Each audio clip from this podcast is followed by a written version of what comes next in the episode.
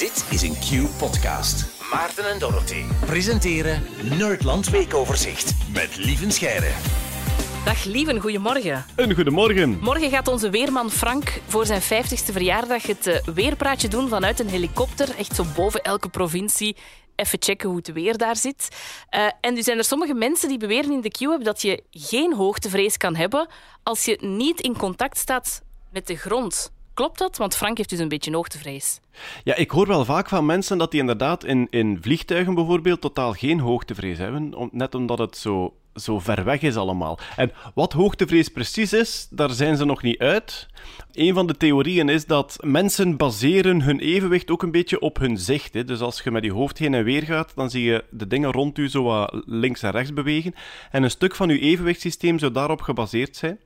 En bij mensen met hoogtevrees, als die te hoog staan en als de dingen te ver weg zijn onder hen, als je dan met je hoofd beweegt, heb je minder referentie. Er zit minder beweging in de dingen die veraf zijn als je met je hoofd beweegt. En dat zou ons tot een soort onevenwicht leiden. Dat is een theorie. Oké.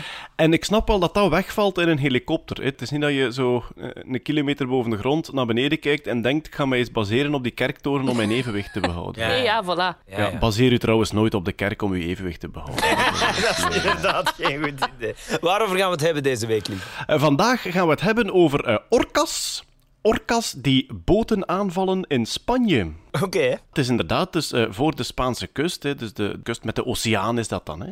Daar zijn voor het tweede jaar op rij orcas uh, gesignaleerd die zeilboten aanvallen. En het gekke is, niemand weet waarom. Omdat orcas doen dat normaal niet. Uh, orcas zijn totaal niet agressief naar mensen toe. Er is nog geen enkele mens gedood in het wild, moet ik zeggen, door een orka. En sinds vorig jaar vallen de orka's zeilboten aan. En wat dat ze heel graag doen, blijkbaar, is het roer eraf breken.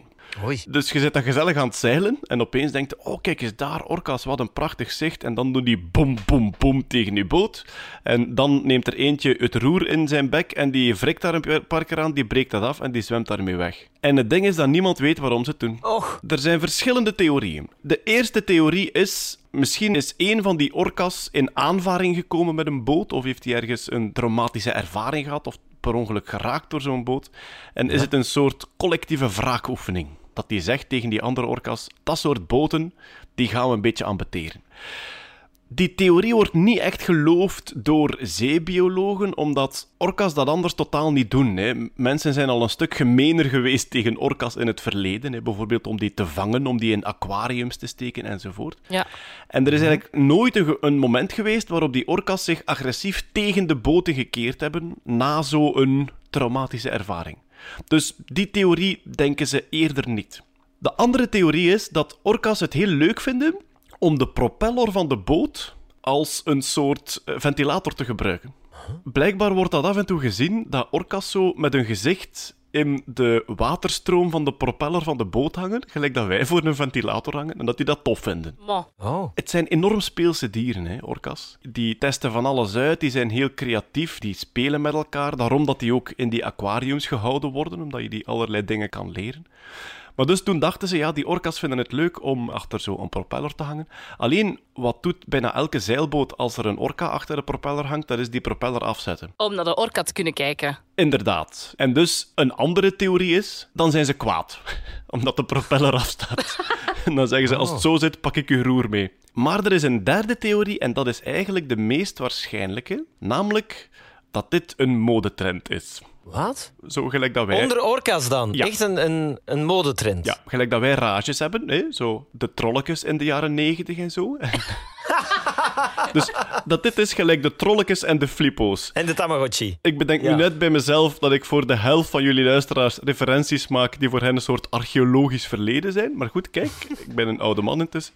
Dus het ding is, orka's hebben rages. En dat is ook een soort bewijs van de intelligentie en de creativiteit van die dieren. Die kunnen echt modetrends hebben. Zoiets dat ze een keer allemaal gaan doen, omdat het cool is. Maar wa- wat zijn dan zo nog modetrends in het verleden geweest van de orka's? De meest bekende modetrend onder orka's was in 1987 in Californië. Toen begon een van de orka's in een groep een dode zalm als hoed te dragen.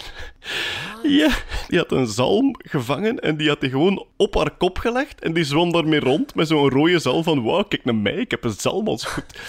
En in een paar weken tijd deden alle orka's in de buurt dat. Die, dacht, ja, die dachten allemaal, zie, zie mij rondzwemmen met een zalm. Ik ben net zo cool als Cynthia, want die is daarmee begonnen. En, jongen. en een paar maand later was dat weg.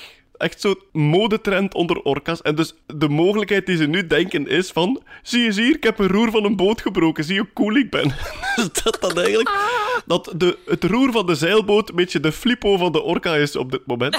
Ja, ja, ja. ja. Amai. Ja, met als gevolg dat je dus als je gaat zeilen in de buurt van Spanje, dat je af en toe effectief kunt... eh, ja, aangevallen. Is het een aanval? Misschien is het gewoon spelen. We weten het niet. Eh, Ik vind dat een hele mooie om dit eh, radioseizoen, dit Nerdland weekoverzichtseizoen mee af te ronden. Ik vond Yes. het top. Oh, ja. wel, we kunnen misschien deze zomer, als we aan het zwembad liggen in Frankrijk, ook een dode zalm op ons hoofd leggen. Hè? Misschien, We denken erover na. misschien maakt het ons aantrekkelijker, ik weet het niet. Wie weet. Eh lieve, ja, jij kan ons volgende week volgen met de foute 728, maar wij blijven jou ook volgen met het Nerdland maandoverzicht, uiteraard. Hè. En tot heel binnenkort. Yep, een goede zomer Dag, gewenst. lieven. Joop. Ja, jij ook. Bye bye. Bye bye. Dit was een podcast van Q-Music. Wil je meer? Wil je meer? Kijk op qmusic.be.